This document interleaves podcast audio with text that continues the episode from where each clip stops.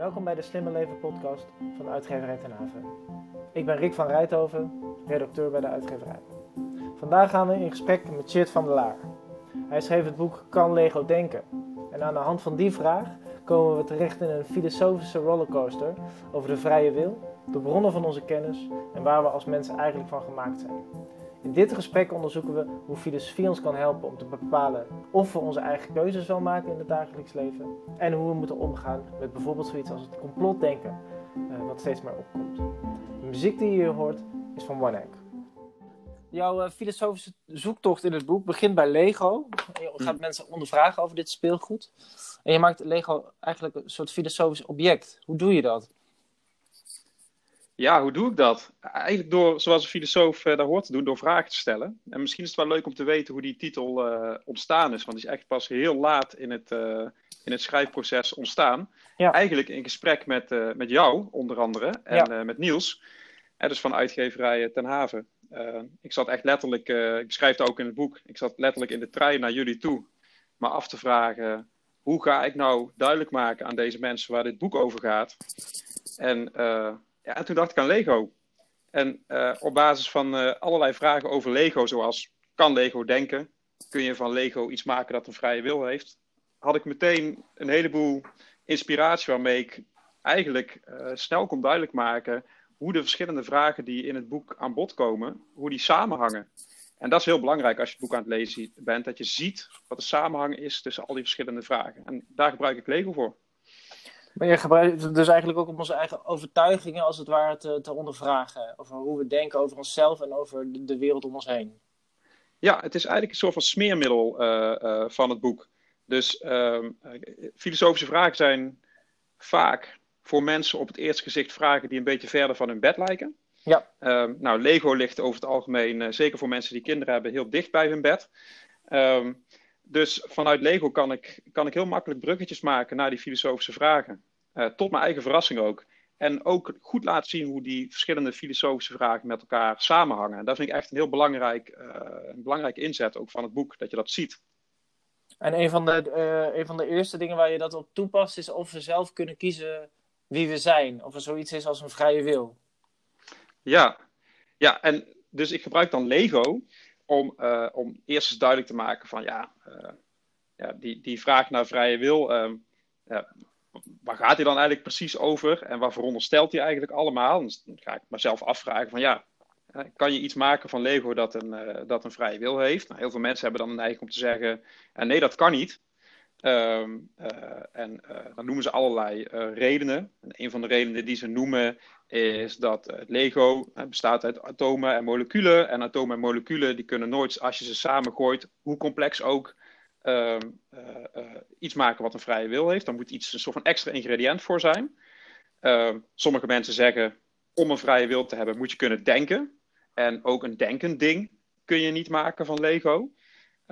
dus je hebt meteen een soort van gevoel bij, hey, wacht eens even, ik heb allemaal uh, eigenlijk al aannames over wat er nodig is om een vrije wil te hebben en om te kunnen denken. En uh, in het hoofdstuk inderdaad over vrije wil, over de vraag in hoeverre kunnen wij zelf kiezen wie we zijn, ga ik dan vervolgens al die filosofische vooronderstellingen op een rijtje zetten en een paar verschillende ideeën uitproberen. En, en dan vervolgens kom ik weer terug bij die Lego en dan vraag ik me af, wat hebben we nou geleerd? Ja, want je noemt het idee dat we zelf kunnen kiezen wie we zijn. Je noemt het een inspirerend ideaal, maar je problematiseert het wel. Ja, ja, wat ik eigenlijk doe, en dat doe ik eigenlijk in elk hoofdstuk van het uh, boek, pak ik een, een, uh, een van mijn favoriete filosofische vragen. En uh, dan ga ik de beste argumenten die ik ken tegen dat idee, bijvoorbeeld tegen het idee dat we zelf kunnen kiezen wie we zijn, ga ik vergelijken met de beste argumenten die ik ken voor het idee. Dat we een, in dit geval een vrije wil hebben. En, um, en dan laat ik volgens de lezer laat ik, laat ik achter met, ja, met de vraag. En dan hoop ik dat de lezer zoiets heeft van: oh, dat is, dat is een interessante vraag. Hij is niet alleen interessant, hij is ook nog belangrijk. laat ik daar eens over doorgaan denken. Dus laat ik zelf doorgaan met, met filosoferen. Ja, en jij bent zelf docent filosofie en daar, je schrijft ook in je boek dat, je, dat je wel je eigen studenten motiveert om verantwoordelijkheid te nemen. Dus om inderdaad eigenlijk die vrije wil. Hoe, hoe zorg je voor een balans dat de, dat de student of de leerlingen, dat die nog wel zelf, dat die wel blijven vragen, vragen blijven stellen, maar ook wel uh, op een gegeven moment uh, een, ja, een, identiteit vormen, kiezen en daar echt voor gaan staan? Nou ja, ik, ik denk sowieso dat, dat uh, je presenteert volgens mij nu als een soort van uh, spanning. Hè? Oh dus oh ja. ja. Of je doet het een of het ander. Maar ik, vraag me af of, ik vraag me af of het een spanning is. Ja. Uh, kijk, wat ik eigenlijk in het boek probeer te doen, is mensen enthousiast maken voor een filosofische houding. Ja. En inzet van het boek is ook duidelijk maken wat dat is. En ja, en helaas is het dan zo, in, misschien ervaren mensen dat zo, dat je dan blijft zitten met een heleboel vragen. Ja. De dingen zijn nou eenmaal niet zo duidelijk als je misschien op het eerste gezicht dacht. Um, maar ook dat is een identiteit. Je kunt die houding innemen, je kunt daar zeg maar uh, uh, aan je leven omheen bouwen, vind ik. dat is meer voor de freaks zoals ik misschien. Ehm, maar het is in ieder geval wel iets waar, je, ehm, waar je een deel van je identiteit aan op kan hangen. Je kan zeggen, hé, hey, dit is wie ik ben. Ik, ik, ben iemand die wel vragen wil stellen bij dingen. Ik wil niet zomaar dingen aannemen. Um, dus, dus daar zet ik dan op in bij mijn leerlingen. Ik hoop dat ze dat gaan doen op de juiste momenten. Op de... En dat, is best lastig. En dat ze het ook gebruiken als een soort strategie om erachter te komen wat ze dan echt vinden. In plaats van dat ze gewoon maar klakkeloos overnemen. Ja, bijvoorbeeld. Dat. Ja, en dat is natuurlijk super belangrijk. Hè? Dus als je gaat nadenken over, uh, over onderwijs, onderwijs uh, en, en, de doelen van onderwijs. Uh, er, zijn natuurlijk heel veel verschillende opvattingen over wat het doel is van onderwijs. En als docent ja, denk ik dat het belangrijk is dat je daar in ieder geval een visie op hebt. En als school dat je daar een visie op hebt. Ja, en een van de dingen waarvan ik in ieder geval zou zeggen dat je als school dat je dat na zou moeten streven als docent, is dat je je leerlingen helpt om na te denken over wat ze willen. Ja, daar zul je echt vragen voor moeten stellen. En daar zul je kritisch voor moeten leren denken. Aan de andere kant, en daar zie ik wel een spanning, en die vind ik super interessant, is, is ja, ook weer de vraag van ja, uh, wat is dat dan eigenlijk kritisch denken? En hoe doe je dat op een goede manier kritisch denken? En uh, er is nu bijvoorbeeld op dit moment heel veel te doen rondom uh, het complotdenken, complottheorieën. Er was afgelopen weekend bijvoorbeeld een hele leuke aflevering van Arjen Lubach, Zondag met Lubach, over complottheorieën en over hoe je daar dan tegenaan moet kijken of hoe je daarmee om moet gaan. En wat je dan ziet bij mensen die uh, dan in uh, wat wij dan complottheorieën noemen geloven, ja, dan zou je kunnen zeggen van ja, maar die mensen zijn toch ook heel kritisch. Terwijl ook heel veel andere mensen zoiets hebben van ja, maar die mensen zijn kritisch op de verkeerde manier. Ja, en wat ik, wat ik dan een hele interessante filosofische vraag vind, is dan van oké, maar wanneer ben je dan kritisch op de juiste manier? En hoe leer je dat mensen dan? En wie ben ik uh, want als filosoof wil ik daar graag iets van vinden. Want ik ben bezig met het opleiden van mensen tot, ja, tot, tot een bepaalde kritische houding in te nemen. Ik moet daar mhm. iets over vinden. Uh, en ik vind dat een kei moeilijke vraag. Uh, maar wel hele Want stel inderdaad, een leerling komt naar je toe en die is helemaal idolaat van Lange Frans. En die gelooft ook in al, alles wat hij op YouTube heeft gezegd. Hoe ga je daar dan mee om? Ja, daar ben ah, ik over na, denk ik, daarmee omgaan. En, ehm, en omdat, ik dat, omdat dat nu dus zo speelt en het gebeurt ook echt, zeg maar. Dus ik heb bijvoorbeeld, wat ik bijvoorbeeld doe met mijn leerlingen, in het kader van wetenschapsfilosofie. Dus als we gaan nadenken over de vraag wat wetenschap wetenschappelijk maakt. En dan ga ik bijvoorbeeld met ze kijken naar hoe je via allerlei bronnen, boeken, internet, artikelen, hoe je aan betrouwbare informatie zou kunnen komen. Um, ja, en een van de dingen die we dan bijvoorbeeld doen, is dan, dan geef ik ze gewoon artikelen op het internet. Bijvoorbeeld, dat hebben we laatst gedaan over uh, um, 5G en over dat, dat, dat dat gevaarlijk is. Sommige mensen beweren dat dat gevaarlijk is. Sommige mensen zien zelfs een verband tussen 5G en, en corona. Ja, laat ik leerlingen zo'n artikel bestuderen en, en zichzelf afvragen van oké, ja, wat is eigenlijk de argumentatie die hier gegeven wordt? hoe overtuigend is die? Wie heeft dit stuk geschreven? Hebben we reden om die persoon, uh, ja, om te denken dat die persoon inderdaad hier verstand van heeft? Wat kunnen we nog meer aan bronnen vinden uit andere hoeken die mogelijk hier tegen ingaan? En dan kom je ook eigenlijk meteen bij de, eigenlijk de, vier overlevingsstrategieën voor filosofen die ik in het boek ook bespreek. Ehm, dat zijn dan een soort van vuistregels die ik leerlingen probeer mee te geven om in ieder geval te blijven nadenken over de informatie die ze, die ze tot zich nemen. Maar of, ze dan, of je daarmee dan voorkomt dat ze uh, in complottheorieën gaan geloven, ja, dat weet ik niet. En de vraag is ook of ik dat uh, moet gaan voorkomen, of ik dat überhaupt kan ja, als docent. moet willen ook, inderdaad. Ja, en of je dat moet willen. Want wie, kijk, ik heb er wel sterke intuïties over. Ik denk dat het vrij onzinnig is om te denken dat, je, uh, dat 5G leidt tot corona. En, en een van de redenen waarom ik dat denk is dat in de meeste artikelen waarin dat beweerd wordt, eigenlijk alle artikelen die ik ken, maar ik ken ze natuurlijk zeker niet allemaal, wordt totaal geen mechanisme uitgelegd over waarom uh, 5G van invloed zou kunnen zijn op, op je gezondheid in de zin dat het corona zou kunnen veroorzaken. Er zijn wel heel veel artikelen over hoe virussen werken. En over hoe straling werkt. En hoe verschillende soorten straling effect kan hebben op mensen. Want er zijn wel degelijk vormen van straling die effect op ons kunnen hebben. Uh, maar dat is in dit geval, gegeven wat we daarover denken te weten, niet zo. En als er dan geen alternatief mechanisme wordt gegeven, een soort van uitleg over hoe dat bijvoorbeeld op biologisch en op natuurkundig niveau werkt, ja, dan vind ik het minder overtuigend. Dus dan zou ik zeggen, zou daar mijn geld niet op inzetten. Maar ja, Ga, ga dat maar eens aan een 12-jarige, uh, ga dat maar eens door een 12-jarige ja. laten uitzoeken. En je had het, je had het over vier filosofische overlevingsregels net. Wat zijn die? Ja. Ja, ik, dat zijn vier regels die, ik vond daar ook, dat is ook weer zo'n ding wat vrij laat in het, uh, in het schrijfproces is, uh, is ontstaan. dat ik me op een gegeven moment realiseerde van wacht eens even, ik ben heel de tijd vier dingen aan het doen die, die, die mijn denken op gang houden. En, en een van de dingen, en dat is de allerbelangrijkste denk ik, is dat als je iets niet weet, dat je dat dan toe ja. moet geven. En, uh, en, en dat is best lastig, want dat, het is zeg maar psychologisch lastig, omdat je als je, bepaalde, als je dus toegeeft dat je iets niet weet, dat voelt altijd een beetje als een tekortschieten, zeker als er mensen in je omgeving zijn die wel beweren dat ze bepaalde dingen weten. Alleen wat nog lastiger is, uh, is dat, dat je heel vaak ook niet weet dat je iets niet zeker weet. En in het boek geef ik daar een voorbeeld van. Uh, weer trouwens over vrije wil toevallig.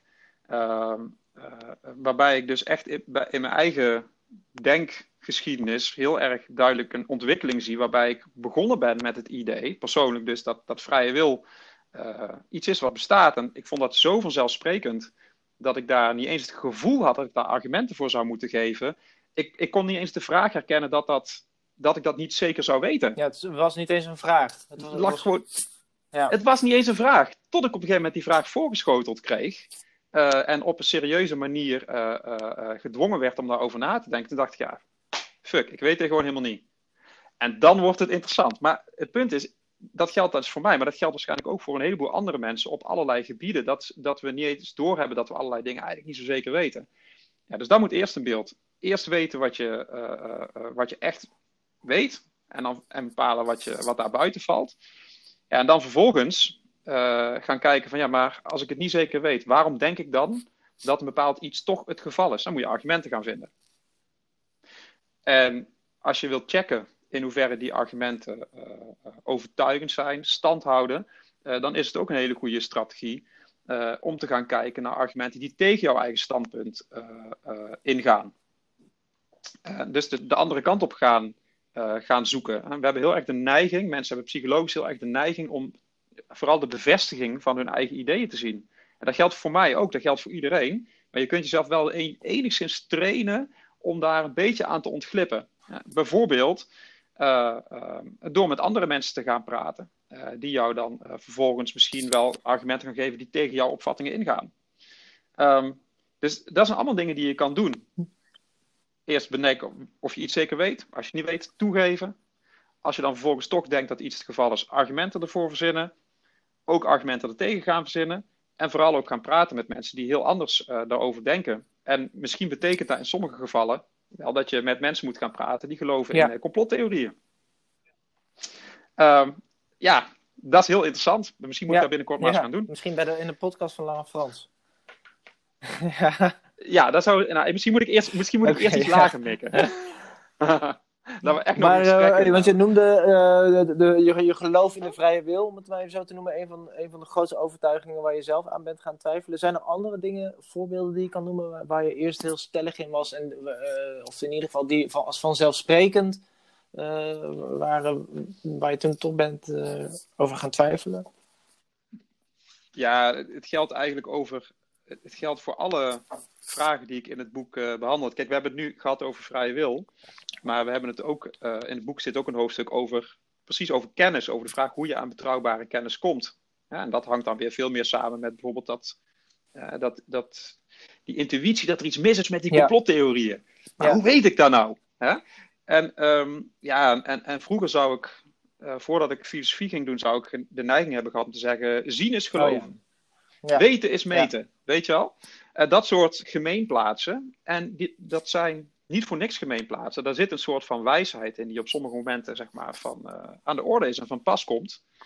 Maar uiteindelijk, ja, of ik mijn zintuigen kan vertrouwen, ik nee, weet dat... het niet meer zo zeker. En uh, of ik mijn verstand kan vertrouwen, ik weet het niet meer zo zeker. Nee, Echt dat niet. twijfel jij inderdaad in het tweede hoofdstuk van het boek aan. Hè? Want kunnen we onze zintuigen wel vertrouwen. Waarom, ja. waar, waar komt dat wantrouwen vandaan? Of het wantrouwen is Nou, misschien een heftig ja, begrip, maar die twijfel is denk ik een betere filosofische twijfel. Ja, uit verschillende hoeken. Ehm, eh, nou, sowieso eh, vanuit de ervaring eh, ehm, dat, dat je zintuigen je voor de gek kunnen houden. En die ervaring, ja, die hebben wij allemaal. Er zijn hele musea die ge- ingericht zijn op die ervaring zicht, letterlijk zichtbaar maken voor mensen. Ehm, want we hebben continu worden we voor de gek gehouden. We zijn continu selectief aan het kijken, aan het luisteren. Ik zei net ook al dingen die in jouw straatje passen. Die passen bij datgene wat jij uh, sowieso al gelooft. Dat zijn de dingen die je ziet. Dat zijn de dingen die je opvallen. Uh, en onze zintuigen zijn heel erg getuned op ja, wat we gewend zijn. Wat we willen zien. En um, dat, als je daar meer kennis van hebt. van hoe die, hoe die zintuigen werken. Dan snap je ook hoe vaak we waarschijnlijk ook in allerlei uh, misvattingen terechtkomen de wereld, niet zien hoe die echt is en niet horen zoals, uh, zoals die echt is. Um, maar dat is meer een soort van alledaags ervaring en empirische wetenschap. Uh, dus de, de, kennis die we hebben uit empirische wetenschappen, die me daartoe brengt. Maar vanuit de filosofie, ja, ik behandel in het boek een theorie van, van Locke, John Locke. En ehm, ja, die beweert eigenlijk met een super eenvoudige theorie die ik in een paar pagina's kan uitleggen, maakt hij heel aannemelijk dat kleuren, waarvan wij toch normaal gesproken het idee hebben dat die in de wereld om ons heen los van ons echt bestaan, dat dat eigenlijk niet daarbuiten bestaat, maar dat dat een eigenschap is van de manier waarop jij de wereld ervaart. En als je die theorie tot je neemt, dan klinkt het eigenlijk super logisch om dat te denken. Ga er maar ja. eens tegen inbrengen. Nou ja, als, als het al op het niveau van kleuren misgaat, moet je je voorstellen, even gedachte-experimentje, moet je je voorstellen dat je uh, uh, dat kleuren, uh, dat je die even wegdenkt, dat ja. je dat niet meer kan zien. Nou, kun je dan überhaupt nog iets zien? Ja? Um, nou, dat is, dat is zeer de vraag. En, en dan kun je, dat roept dus heel erg de vraag op, ja, in hoeverre is de wereld die we buiten ons waarnemen, bijvoorbeeld met al die leuke kleurtjes, in hoeverre is die feitelijk objectief, dus los van onze ervaring, uh, ook zo. Als dat we denken dat die is. Het is zo makkelijk om daar, uh, om daar uh, mensen over aan het twijfelen te krijgen. Dat, en mezelf ook. En dat, dan kom je eigenlijk meteen op het punt van: ja, maar wacht eens even, als ik dat zelfs nog niet zeker weet. nou, dan, dan, dan valt alles valt om. En dan moet ik echt opnieuw gaan nadenken. En dat is wat ik doe. Dus ik probeer ook echt daar dan een begin en die mee twijfel, dus, waar, waar leidt die dan toe in, qua gedragsverandering voor jou? Hoe ga je je anders gedragen in de nou, wereld toch... als je daar eenmaal aan twijfelt? Um, ja, ik denk dat dat, um, dat geldt voor mij, maar ik denk dat dat voor filosofen in het algemeen uh, wel geldt. Kijk, het betekent natuurlijk niet dat ik uh, s ochtends opsta en dan uh, koffie zet en dan denk, is mijn koffiezetautomaat wel echt zwart? Dat vind ik echt ja. een bullshit vraag. Dat nee. is niet het punt hiervan, zeg maar. Het punt hiervan is dat jij op de juiste momenten de juiste vragen kan stellen. En uh, uh, als het dan bijvoorbeeld gaat over uh, complottheorieën, dat je dan beseft ehm, dat als je bijvoorbeeld met mensen in gesprek gaat, die dus radicaal anders over allerlei dingen denken dan jij, dat je dan begrijpt waar, die, waar mensen vandaan komen. Dat je begrijpt dat mensen de neiging hebben om informatie te zien en te horen die past bij de dingen die ze, die ze al geloven. Dat dat ook voor jou geldt. Ehm, en, en, maar ook bijvoorbeeld als ik lesgeef over aan VWO-leerlingen, een heel andere, en nu ga ik dus naar, naar, naar het onderwijs toe dan wil ik bijvoorbeeld dat ze nadenken over wat wetenschap wetenschappelijk maakt. En wetenschappers, die zijn ook, een van de strategieën van wetenschappers is vaak dat ze heel goed proberen te observeren. Dus dat betekent heel nauwkeurig kijken, luisteren, dus op basis van de zintuigelijke waarnemingen uh, iets, iets te leren over de wereld. Maar daar horen wel al die voorbehouden over de feilbaarheid van onze waarneming en de aard van, de, van onze waarneming, die horen daar wel bij. Dus daar probeer ik ze dan bewust van te maken. Hé hey, mensen, pas op, Um, het laatste woord is hier nog niet gezegd. We moeten beslissingen maken. We moeten proberen om de, de wereld te leren. Maar onze theorieën en onze ideeën daarover die kunnen feilbaar zijn. Um, dat geeft een soort van hele gezonde bescheidenheid. En ook een soort, ik denk ook een, een ja, een hele vrolijke wetenschap. Ja, geeft dat, zeg maar. heel, ja, waarin ook heel veel mogelijk die is. uit ontdekken bestaat. Echt on... Ja, die ontdekken bestaat, maar vooral ook uit nieuwsgierigheid. Um, en ja, ik denk dat wetenschap in essentie is wetenschap is georganiseerde kritiek. He, dus wat wetenschappers proberen te doen, het wetenschappelijk bedrijf, als het goed functioneert, en ik weet dat dat niet altijd zo is, uh, maar als het goed functioneert, dan, dan zijn ze continu bezig met kritisch naar elkaars ideeën kijken uh, en, en elkaar eigenlijk te bedanken voor die kritiek, want dan hebben we vooruitgang. En filosofen die, die, die doen er nog een laagje bij, want die gaan ook knagen aan de fundamentele methodes die wetenschappers gebruiken om tot kennis te komen. Ook omdat niet uit het oog te verliezen dat zien niet altijd geloven is. En dat, dat meten niet altijd weten is. En, Heel belangrijk, ik, denk ik. Elke keer die vraag Wat ik me ook wel kan voorstellen, want dit is dan inderdaad in de wetenschap, maar dan wil ik toch eigenlijk weer meer naar de, naar de, naar de, naar de dagelijkse praktijk. Dus hoe je omgaat met andere mensen. Stel, je hebt inderdaad een meningsverschil. Dat hoeft dan niet meteen een complotdenker te zijn, maar ook gewoon in je familie of in een relatie. Of, uh, um, heb je dan ook het gevoel van, oh ja, maar we kijken, niet, we kijken misschien niet eens naar hetzelfde ding? Werkt het op die manier ook door in je, in nou, je persoonlijke ja, leven? Ja, nou ja, ik weet zeker dat het zo is dat mensen uh, uh, regelmatig de ervaring hebben, zeker als ze te maken hebben met mensen die niet per se heel dichtbij ze staan, van hé, hey, ehm, deze persoon ziet echt iets heel anders hier dan ik, die voelt iets heel anders hier. Eh, eh, dan ik. Die interpreteert een uitspraak heel anders eh, dan ik hem bedoeld heb. dat soort dingen gebeuren volgens, volgens mij doorlopend. En ehm, daar kan je heel erg helpen. Ja, mij helpt het dan om ja, niet te snel te oordelen, niet te snel te denken dat iemand het niet snapt, ook niet te snel te denken dat ik het snap. Uh, uh, dus op die manier uh, helpt dat voor mij. En dat is in het ja. kennisdomein. Hè? Um, misschien is het ook leuk om iets te zeggen over het laatste hoofdstuk van het boek. Want je, je, je, wil, je lijkt iets te willen weten over hoe, wat het voor consequenties het voor mijn dagelijks leven heeft. Um, en, en ik heb eigenlijk geprobeerd om een, een boek te schrijven wat niet, uh, waarin ik je niet heel de tijd lastig val met mijn eigen opvattingen. Want daar gaat het mij niet zo om. Ja, ik, bedoel, ik vind mijn eigen opvattingen natuurlijk belangrijk, maar in mijn schrijven en in mijn onderwijs wil ik juist dat die opvattingen anderen niet in de weg zitten. Ik wil juist dat jij het gevoel hebt dat als ik een een filosofisch idee aan het uitleggen ben, zelfs als het totaal niet is wat ik geloof, dan wil ik dat jij het gevoel hebt dat ik het geloof. En, uh, uh, uh, want dan is de argumentatie blijkbaar sterk. En al die filosofen die ik in het boek behandel, maar ook die ik in mijn onderwijs behandel, dat zijn ideeën die hebben het overleefd omdat het zo'n goede ideeën zijn. Terwijl ze elkaar allemaal tegenspreken. Ja. Ja. Snap je? Dus, dat is zo mooi. Nou, en als je dan in, in dat boek, ik kan Lego denken, uh, dan, dan ben ik dus eigenlijk gewoon het grootste deel van het boek ben ik bezig met je laten zien hoe tof die vragen zijn en hoe belangrijk ze volgens mij ook zijn. Dus die filosofen wakker maken. Uh, maar in het laatste hoofdstuk, uh, dan neem ik een, beetje een andere benadering en dan ga ik proberen om allerlei ideeën uit die vorige hoofdstukken te pakken over vrije wil, over hoe we aan kennis komen, ook hoe, over hoe de wereld en mensen in elkaar zitten. dus de vraag, zijn wij alleen maar materie? Of zijn wij misschien ook nog iets meer dan een lichaam, zoals een geest of een ziel, zoals mensen daar ook over kunnen denken. Ik pak al die vragen bij elkaar en dan pak ik mijn eigen antwoorden. En vanuit mijn eigen antwoorden ga ik je dan vertellen hoe ik in het alledaagse leven omga met zoiets als boosheid. Ehm, en ik ga vanuit die, al die opvattingen iets zeggen over waarom ik zelf ervoor kies om zo min mogelijk vlees te eten en, en zo min mogelijk vis te eten. Um, en kan je dat dus- laatste voorbeeld uh, dan uitlichten? Hoe, hoe komen die drie gebieden samen in jouw keuze om zo min mogelijk vlees te eten? Ja, dat, nou, dat, is, dat is een, een ingewikkelde vraag, een hele grote. Want eigenlijk kun je die, ja, daar moet je eigenlijk het boek voor lezen.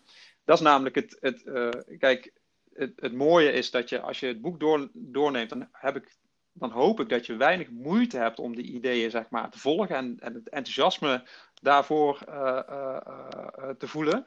En dan op het einde, dan zul je merken van, hé, hey, wacht eens even, ik heb nou het hele pad gewandeld en nu zie ik ook de samenhang. Als ik heel kort wil gaan, ehm, dan kan ik in ieder geval vanuit het idee van vrije wil, ik geloof dus zelf dat er niet zoiets bestaat. Ehm, en dat, dat roept meteen een, een probleem op. want als je niet gelooft in vrije wil, zoals ik, dan wordt het ook heel erg lastig om mensen uh, nou, verantwoordelijk uh, te houden voor, uh, voor wat ze doen en laten. Dus stel je voor, jij, jij doet iets naars, bijvoorbeeld het eten ja. van vlees. Ik vind dat een ja. naar iets, hè. Um, of, uh, of jij doet mij iets aan, of jij doet iemand iets aan die ik, waar ik van houd. Ja, dan, dan hebben we de neiging om te zeggen, nou, die persoon, jij in dit geval, die, die doet iets naars en die verdient straf. Of uh, die, die had iets anders moeten doen. Maar ja, als vrije wil niet bestaat, dan zijn dat eigenlijk rare gedachten ja. om te hebben. Ja? Waar, waarom zou ik dan nog boos? Wat rechtvaardigt mijn boosheid op jou dan nog? Um, uh, en die gedachte van, hé, hey, wacht eens even, ik ben nog steeds boos, ondanks het feit uh, dat ik denk dat het niet zoiets is als vrije wil. Hoe ga ik dan om met die boosheid? Waar baseer ik dan eigenlijk dat idee op dat mensen geen vrije wil hebben?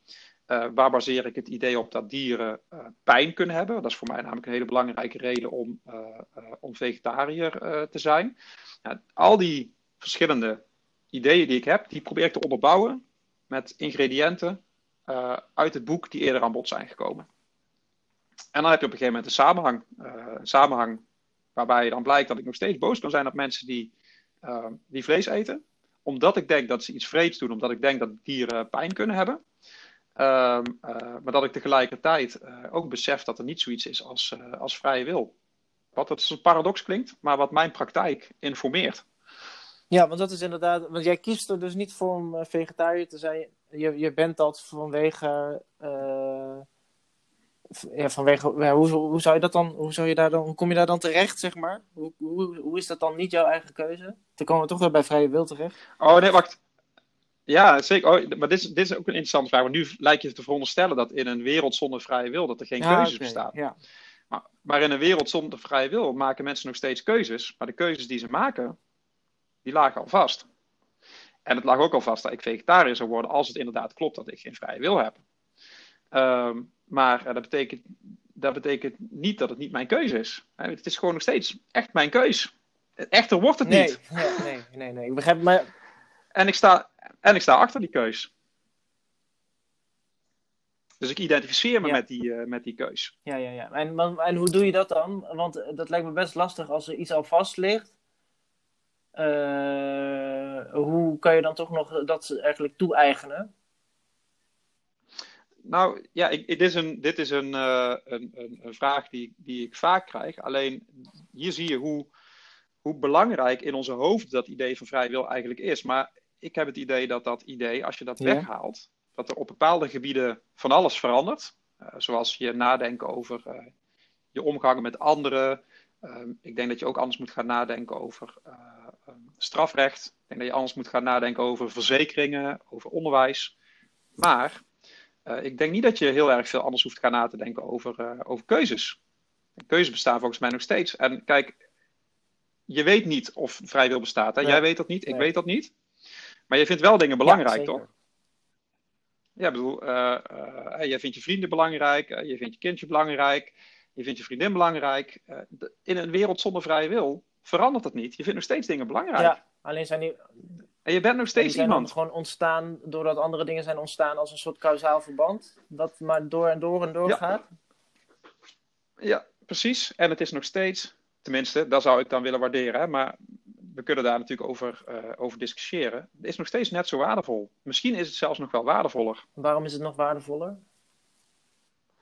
Uh, omdat je eigenlijk, uh, ja, het overkomt je. Het valt je toe. Ja, het is ook iets waar je dankbaar voor Je hebt het geluk ja, dat je dat mag over, dat jou dat mag, dat jou dat mag dus overkomen. Eigenlijk een soort bescheidenheid en ook dankbaarheid voor, voor hoe het dan zo is gelopen, dat het, hoe het nu is. En wat je, wie je nu ja, bent geworden. Dat is een heel ander, Precies, en dat is een heel andere benadering dan uh, het soort van idee waar heel veel van onze kinderen op dit moment mee opgroeien. Uh, namelijk. Uh, dat succes je eigen verantwoordelijkheid ja, is, onder andere. Precies, ja. En ik, ik, ik denk dat het niet zo zwart-wit is hoor, overigens. Ik denk namelijk dat dat verhaal wat we elkaar vertellen, dat dat voordelen heeft. Dat ook in een wereld zonder vrije wil mensen misschien niet verantwoordelijk kunnen zijn. Simpelweg omdat ze die vrije ja. wil niet hebben. Maar dat betekent niet dat het niet een goed verhaal is om elkaar te vertellen dat, je wel, nou, dat we elkaar verantwoordelijk ja. houden. En op het moment dat we dat spel met elkaar gaan spelen, het spel van elkaar verantwoordelijk houden, zou het best wel kunnen dat we leukere mensen krijgen en dat we samen uh, een leuke leven hebben. En dat lijkt me een hele goede reden om bijvoorbeeld in onderwijs mensen aan te spreken op hun eigen verantwoordelijkheid. Maar je moet je wel continu goed beseffen dat dat een verhaal is wat we elkaar vertellen. En dat, dat, mogen, dat, dat daar niet een idee van vrije wil onder zit op basis waarvan mensen bijvoorbeeld straf kunnen verdienen of uh, verantwoordelijk zijn.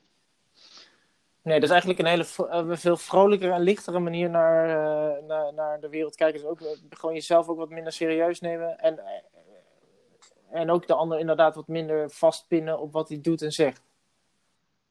Ja, het is, ik denk dat, weet je, er zijn dus heel veel filosofen die dit idee onderzocht hebben. Ik bedoel, dit is allemaal niet nieuw. Ik ben gewoon uh, uh, dingen aan het verwoorden die al lang, uh, al, goed verdedigd zijn. Hè. Maar zo'n um, zo'n filosoof als Spinoza bijvoorbeeld, een bekende Nederlandse filosoof. Um, al lang dood natuurlijk. En, maar die, die, die verdedigde ook een, een vorm van een, een, een filosofie waarin vrije wil niet bestaat. En uh, wat hij heel erg benadrukt is uh, uh, dat in een wereld zonder vrije wil het echt heel belangrijk is om kennis te krijgen van die wereld, zodat je beter snapt hoe je bent geworden wie je bent en waarom de dingen gebeuren zoals ze gebeuren. Het is noodzakelijk zo dat ze gebeuren, maar hoe meer inzicht jij daarin hebt, in die noodzakelijkheid, hoe vrijer je op een bepaalde manier bent. Omdat je, omdat je, als je dat inzicht hebt, ook beter kan anticiperen op hoe de wereld zal zijn. En dat ga je ook doen. Dus op het moment dat ik bijvoorbeeld weet van mezelf dat ik heel driftig ben, heel snel. Uh, en dat ik dan bijvoorbeeld met mijn driftigheid beter kan omgaan door even een keertje tot tien te tellen, dan zal ik dat de volgende keer doen. Op dezelfde manier als dat als ik op een gegeven moment begrijp dat er een orkaan over de zee aankomt, en dat het dan handig is om eventjes in een andere stad te gaan zitten. En dat zijn inzichten in de noodzakelijkheid van de natuur en hoe wij werken, maakt je uiteindelijk vrijer. Maar niet in de manier van vrije wil, als een soort van: ik heb een wil die niet veroorzaakt is door eerdere oorzaken en daarmee stuur ik mijn lichaam aan. Nee, op een manier waarbij jouw eigen inzicht ervoor zorgt dat jouw gedrag aangepast wordt. En dat dat gebeurt lag vast. Maar het gebeurt wel door het onderwijs. Want er zijn ook factoren in elkaars uh, levens. En is dat ook een van de redenen dat jij het onderwijs bent ingegaan? Om daar zeg maar in die, in die noodzakelijke stroom goede duwtjes, of duwtjes in de goede richting te geven? Nee, dat is, dat, dat is veel okay. moeilijker gegaan. maar het is wel een van de redenen. het is wel een van de dingen die. die uh, dat, is wel een, dat is wel mijn visie op. Deel van mijn visie op onderwijs. Uh, dat, dat je inderdaad factoren bent in elkaars leven. En, uh, en, en dit is wel iets wat ik graag wil bewerkstelligen. Dus in die zin herken ik me heel zelf erg in de theorie van Spinoza. Maar ook zo iemand als Einstein. Uh, die ook uh, determin dus deterministisch dacht. Deterministisch is het idee hè, dat de wereld uh, uh, alles wat in de wereld gebeurt, het onvermijdelijke resultaat is van eerdere gebeurtenissen. Uh, en Einstein die benadrukte bijvoorbeeld heel erg het belang van humor. Ehm, dus, dus je had het net over een lichtere manier van naar de wereld kijken, et cetera. Ik kan me voorstellen dat sommige mensen zeggen, ja, hoezo lichter dan? Nou ja, met Einstein, weet je, als de dingen gebeuren zoals ze gebeuren en ze zijn onvermijdelijk, dan kun je maar beter een beetje humor erin houden. En, en, en verbaasd zijn en nu verbaasd zijn over hoe, hoe complex dingen gaan en hoe, ze, en hoe het komt dat ze gaan. En dankbaar zijn voor wat jou toevalt. En nieuwsgierig zijn, hè, wat Spinoza dus zegt, ben nieuwsgierig. Want dan uh, krijg je meer inzicht in hoe de wereld werkt. En dan zul je uiteindelijk op die manier vrijer worden. Uh, dat zijn allemaal hele mooie, vind ik, hele mooie ideeën. Um, en die zijn ook veel minder jachtig En, en, en ook ergens veel minder individualistisch dan het soort van manier waarop wij normaal gesproken denken. ik vind dat mooi. maar dat is mijn persoorlijke voorkeur, zeg maar. Dankjewel voor het luisteren. Wil je nog meer weten over Kan Lego Denken, het boek van Cheert? Kijk dan op onze website, uitgeverijtenhaven.nl. Daar kan je je ook inschrijven op onze nieuwsbrief. De muziek die je hier hoort is van One Egg. Vind je het leuk, dan kun je het gaan volgen op Spotify. Zoek het op O-N-E-G-G.